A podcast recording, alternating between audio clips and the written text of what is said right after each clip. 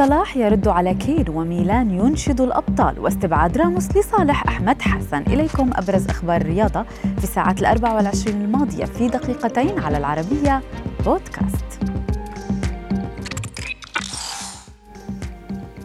رغم المنافسة العالية بينهما على المستوى الشخصي وعلى مستوى الأندية أيضا بادر نجم ليفربول محمد صلاح بتهنئة لاعب توتنهام هاري كين بعد حسم الأخير المنافسة بينهما على لقب هداف الدوري الإنجليزي بفارق هدف. كين نشر تغريدة كتب فيها سعيد لفوزي بهذه الجوائز فيما تفاعل صلاح مع التغريدة معلقا تستحقها عن جدارة. تهاني لك.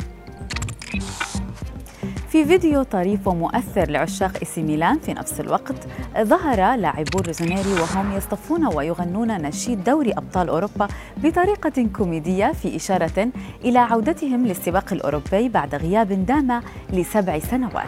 يذكر أن ميلان هو ثاني أكثر ناد تحقيقا للبطولة بوقع سبع مرات. في سابقة لم تحدث من قبل نجوم ريال مدريد يغيبون عن قائمة منتخب إسبانيا لأول مرة في التاريخ حيث لم يتم استدعاء أي لاعب من الميرينجي بمن فيهم راموس.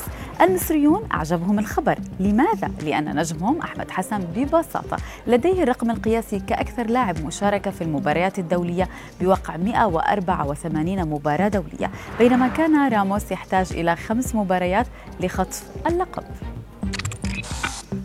كشف الاتحاد الأوروبي لكرة القدم عن شكل الكأس الجديدة لبطولة دوري المؤتمر الأوروبي. المسابقة التي استحدثت مؤخرا وتأتي إلى جانب دوري أبطال أوروبا والدوري الأوروبي. هذه البطولة سيشارك فيها الموسم المقبل أندية توتنهام الإنجليزي وفياريال الإسباني وروما الإيطالي ويونيون برلين الألماني إضافة إلى العديد من الأندية الأوروبية الأخرى.